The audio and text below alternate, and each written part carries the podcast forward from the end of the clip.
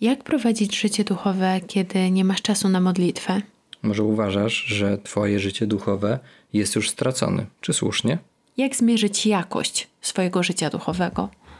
Z tej strony Dorota? i Kamil Szmotarscy, czyli przyklejeni, a na te pytania postaramy się odpowiedzieć w kolejnym odcinku naszego adwentowego podcastu o życiu duchowym. Tydzień temu, po opublikowaniu pierwszego odcinka e, tej adwentowej serii, zadaliśmy Wam na Instagramie kilka pytań, gdzie prosiliśmy Was o odpowiedź, czym dla Was jest życie duchowe.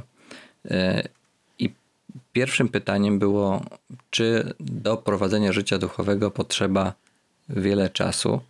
E, I przytłaczająca odpowiedź była na to, że tak, że trzeba poświęcić wiele czasu, żeby prowadzić życie duchowe. E, I zadaliśmy też pytanie, czym dla Was jest życie duchowe? I muszę przyznać, że czytając Wasze odpowiedzi, część, część z tych odpowiedzi, m, zrobiło nam się po prostu smutno i, i, i, i przykro, że jaki obraz życia duchowego e, został w Was zasiany i i jak wiele na tym możecie stracić. Niektóre z odpowiedzi, które się tam pojawiły, mówiły wprost, że życie duchowe to jest coś już straconego, że to jest coś strasznie trudnego w waszym życiu, e, albo że to jest duże wyzwanie pełne niepowodzeń.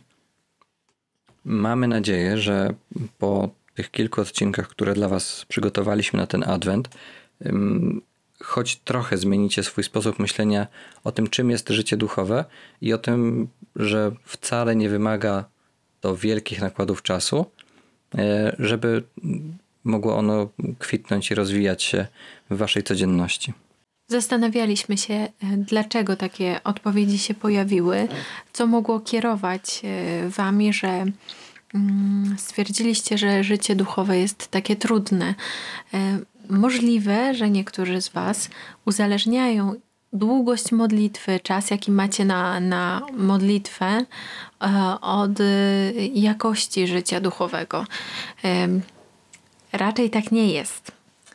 Raczej tak nie jest, bo e, jak pokazywała matka Teresa, e, ona dawała swoim siostrom godzinę na adorację, ale wiele, wiele godzin na pracę.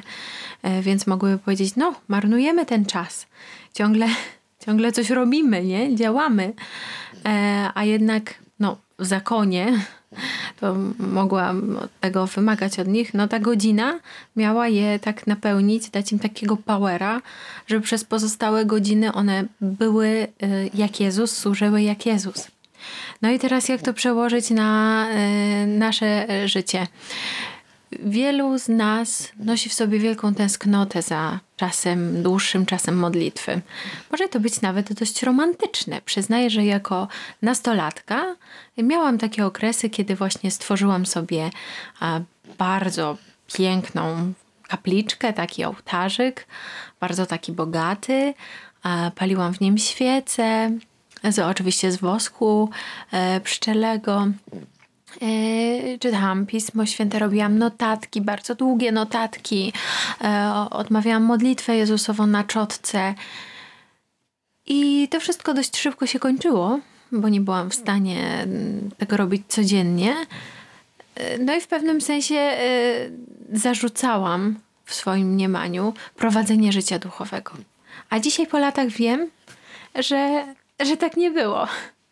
I tutaj pojawia się pierwsza z bardzo subtelna pułapka, w którą możemy wpaść i w którą często wpadamy, myśląc o życiu duchowym i o prowadzeniu e, naszego życia modlitewnego, że jeżeli nie poświęcam odpowiednio dużo czasu na modlitwę, mm, jeżeli nie potrafię wygospodarować nawet tych 15 minut w ciągu dnia na odmówienie e, różańca czy, czy jakiejś części brewiarza, to momentalnie przestaję w ogóle zwracać się do Pana Boga, całkowicie porzucam swoją relację z Bogiem, uważając, że no skoro nie mogę się modlić, no to znaczy, że nie mogę nic innego już robić.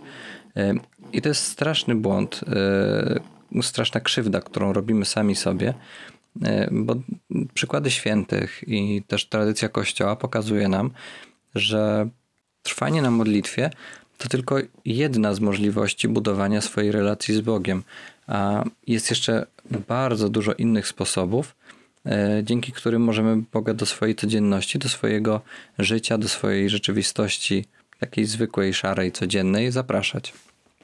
Y, wydaje mi się, że taką miarą, takim papierkiem lakmusowym e, tego, jaki jest stan Twojego serca, e, może być zwrócenie się do Jezusa własnymi słowami. Niektórzy uwielbiają tak się modlić, inni wolą e, słowa, które są nam dane już przez Kościół w liturgii godzin, e, albo w różańcu, albo modlić się Słowem Bożym. Ale e, jakby myślę, że taką próbką dobrą jest to, żebyś e, powiedział Jezusowi: Jezu, Ty jesteś dla mnie, kim jesteś dla mnie. Czy jesteś w stanie naturalnie zwrócić się do Jezusa? Jeśli tak jest, no to jakby możesz się tylko cieszyć, tak? Tylko cieszyć, bo y, to znaczy, że twoja relacja nie została pogrzebana. Ty nadal wierzysz w to, że Jezus jest, że Jezus cię słucha, że Jezus jest osobą, że jest realny, że jest z tobą teraz. I to jest bardzo ważne. Nie musisz przestawiać się na tak, taką formę modlitwy, ale jest takie niebezpieczeństwo, że modląc się wiele, nawet modląc się wiele, możesz zgubić relacje. Musisz, możesz zgubić wiarę nawet. Mogą to być puste słowa, czy wypełnienie jakiegoś rytuału, e, czy zapewnienie sobie, zapełnienie jakiejś pustki, zapewnienie jakiegoś porządku, którego potrzebujesz, ale nie będzie to zmieniało Twojego serca, ani nie będzie to budowało zaufania. Do kogo się zwrócisz, jakimi słowami się zwrócisz, kiedy będziesz potrzebował naprawdę pomocy, kiedy, kiedy będziesz bliski rozpaczy, czy będziesz umiał powiedzieć: Jezu, ratuj, będziesz w to wierzył, że Jezus w tym momencie jest z Tobą. Pamiętam, jak kilka lat temu jedna myśl w zasadzie wywróciła moje życie duchowe do góry nogami i sprawiła, że zupełnie inaczej zacząłem o nim myśleć, o swoim rozwoju duchowym i o, o, swoim, o swoim życiu modlitewnym. Pomyślałem wtedy, że to nie od ilości modlitwy zależy moja bliskość z Bogiem, mm, tylko raczej na odwrót, że im bliżej jestem Boga, tym więcej czasu poświęcam na modlitwę. I też tutaj ważna rzecz, wracając do tego, co mówiliśmy przed chwilą, że to więcej modlitwy to niekoniecznie jest więcej w znaczeniu czasowym, to niekoniecznie jest więcej e, w znaczeniu ilości godzin, które spędzamy w kaplicy, czy które spędzamy, e, spędzamy z różańcem w ręku. Co w takim razie oznacza to więcej modlitwy? Jako przykłady tutaj wypisaliśmy sobie kilka takich rzeczy, które możecie wdrożyć w swoim życiu w zasadzie od już, od momentu słuchania, zakończenia słuchania tego odcinka. E, są to na przykład akty strzeliste, czyli rzecz, która dzisiaj w kościele jest dość mocno zapomniana i w życiu duchowym ludzi jest mocno zapomniana, mm, a kiedyś była bardzo powszechnie praktykowana i akty strzeliste były jedną z najpowszechniejszych form modlitwy. I kiedy zapytacie swoją babcię o to, w jaki sposób się modliła i czy wie, co to są akty strzeliste, e, to może nie poda wam definicji, natomiast myślę, że wyrecytuję wam co najmniej kilka wezwań do Jezusa, do Maryi czy do świętych, e, którymi modlono się kiedyś, e, po prostu przyzywając ich obecności jednym krótkim westchnięciem, skierowaniem myśli w ich stronę. I to możecie wdrożyć od zaraz w swoim życiu, e, nawet wypisując kilka takich wezwań, westchnień, które mogą być fragmentem Pisma Świętego, słowami psalmistów, czy waszymi własnymi słowami, po prostu skierowanymi w stronę Boga. Co ciekawe, za odmówienie takiego aktu strzelistego, e, Kościół daje nam możliwość uzyskania odpustu cząstkowego. Więc jest to też e, okazja do tego, żeby troszkę skrócić swój, e, swój pobyt w czyśćcu. E, I bardzo łatwa do wdrożenia w, codzienności praktyka duchowa, która sprawia, że tej modlitwy jest więcej, że nasze, naszego czasu spędzonego, naszych myśli, które idą w stronę Pana Boga, jest w ciągu dnia zawsze trochę więcej. O każdą jedną taką myśl więcej.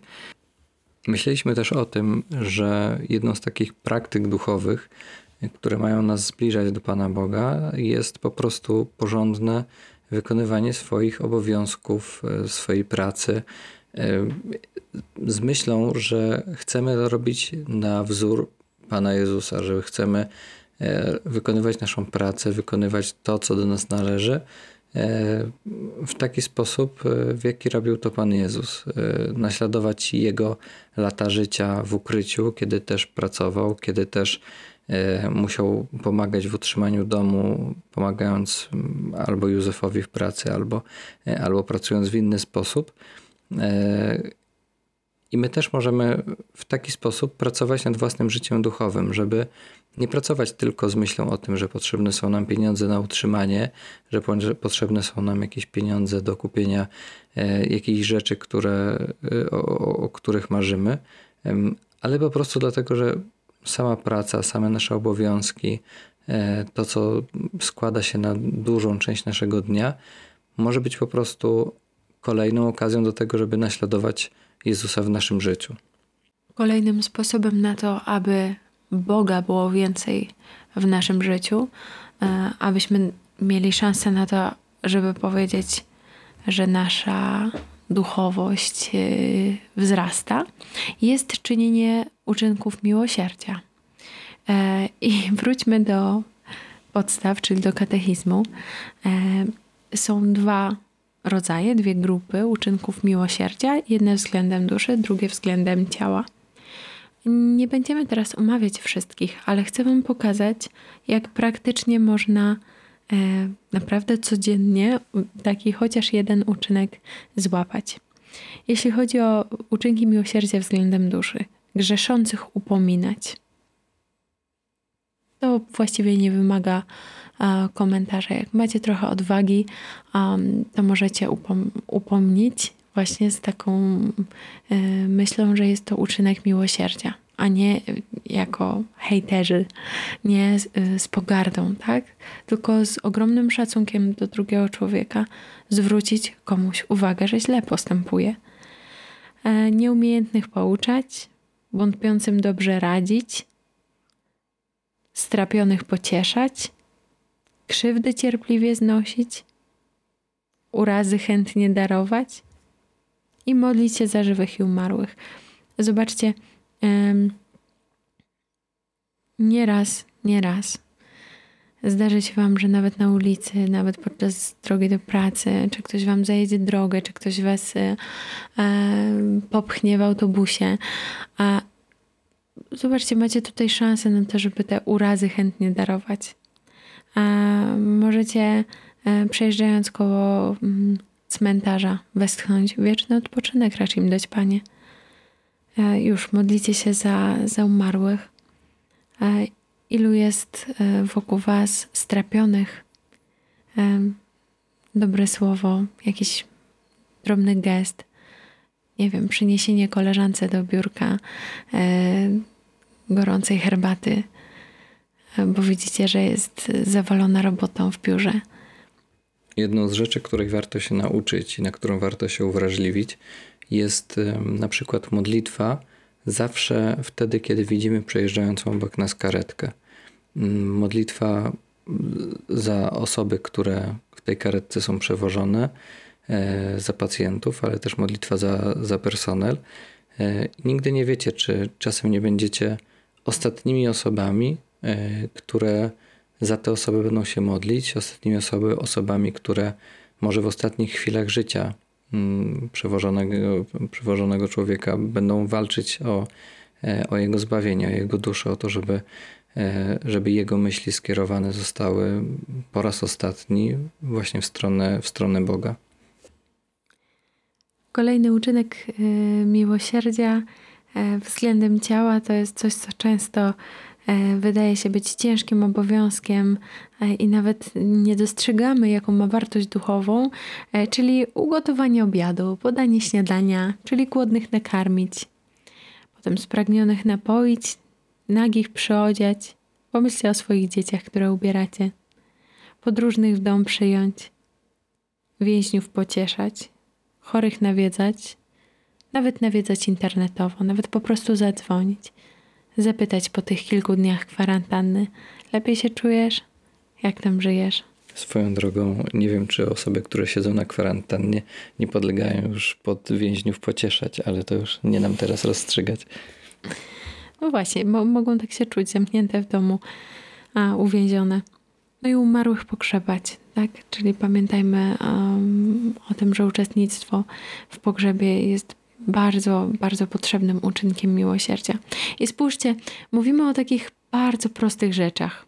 I teraz yy, to nie jest tak, że my chcemy je sztucznie uduchowić. One są czymś, co nas buduje. Co buduje nasze życie duchowe, co, co możemy wykorzystywać jako takie małe cegiełki. Mówimy tu też trochę o budowaniu takich nawyków modlitewnych, tak? Odruchów modlitewnych. Jedzie karetka, przejeżdżam koło cmentarza, ktoś zajeżdża mi drogę. Po rzuceniu wią wiązki e, nieprzyzwoitych słów odruchowo możesz westchnąć, Panie Boże, zmiłuj się nad nim, nad nim grzesznikiem, który nie potrafi jeździć, a i nade mną się zmiłuj.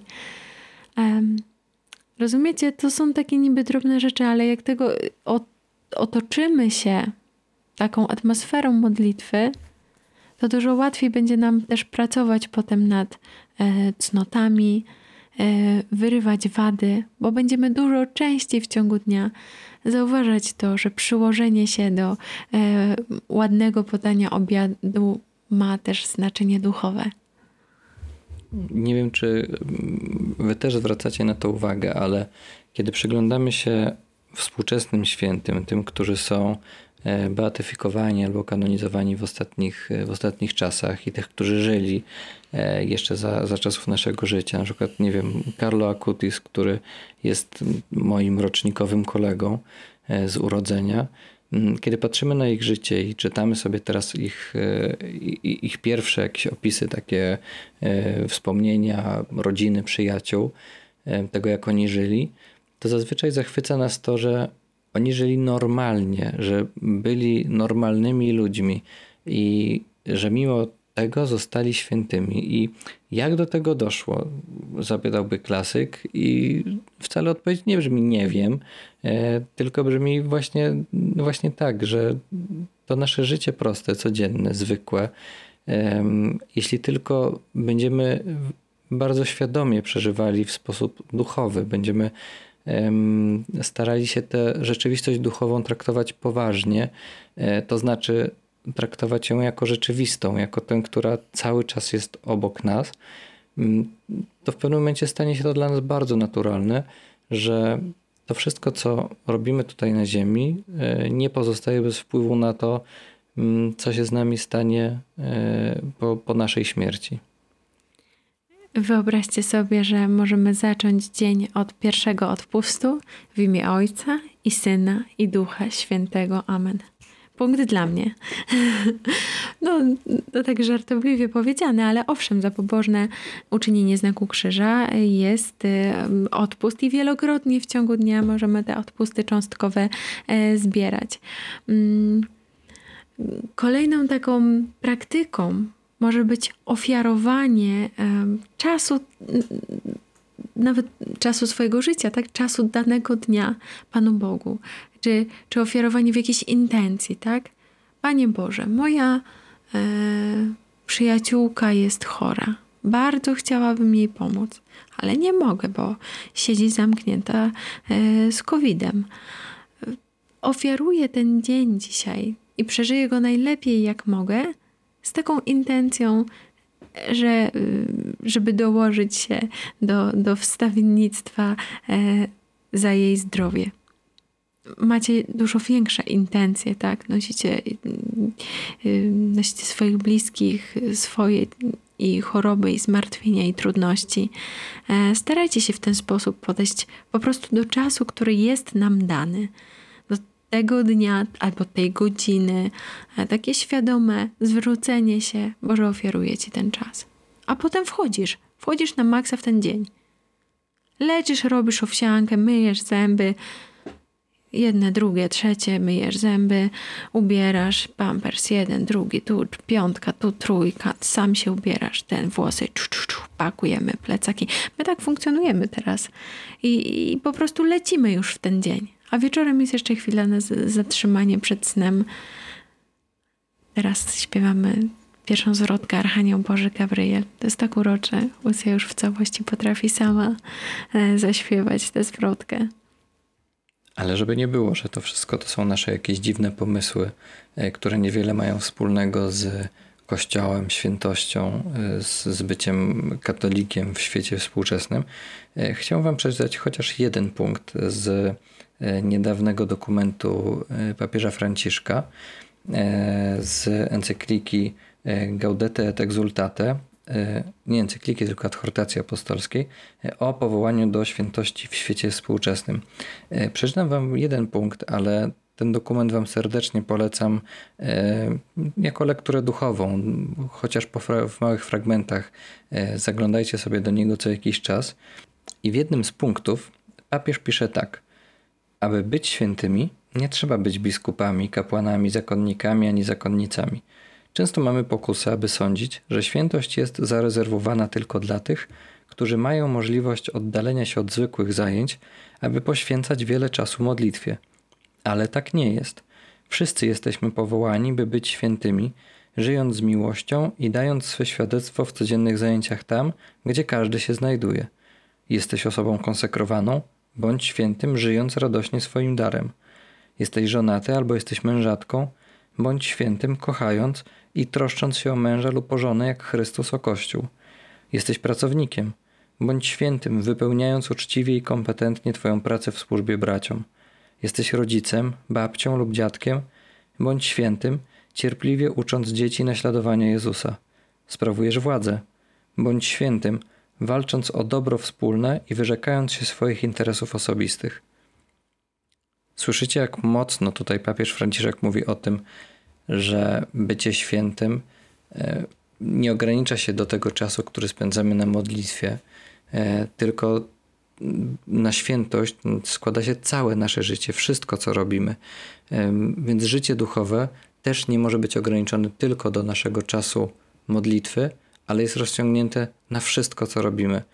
Na zakończenie chcielibyśmy podzielić się z Wami jedną myślą księdza Michała Lubowickiego z jego ostatnich rekolekcji, które głosił w Starej Miłośnie, mm, w której e, zawiera się to, o czym myśleliśmy nagrywając ten odcinek i myśląc o nim, czyli żeby był to odcinek, który da nadzieję tym, którzy już zupełnie jej nie mają w stosunku do swojego życia duchowego. E, I ksiądz Michał mm, powiedział tak – w bezsensownym miejscu, w którym stoisz, może się zacząć historia zbawienia.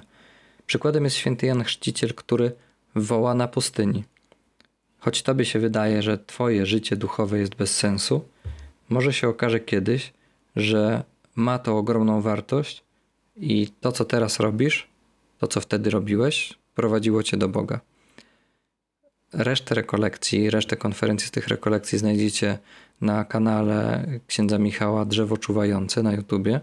Mm, ale z tą jedną myślą chcemy Was dzisiaj zostawić, że nigdy nie ma takiej sytuacji, w której moglibyście powiedzieć, że Wasze życie duchowe jest stracone i jest czymś, o co nie da się już zawalczyć.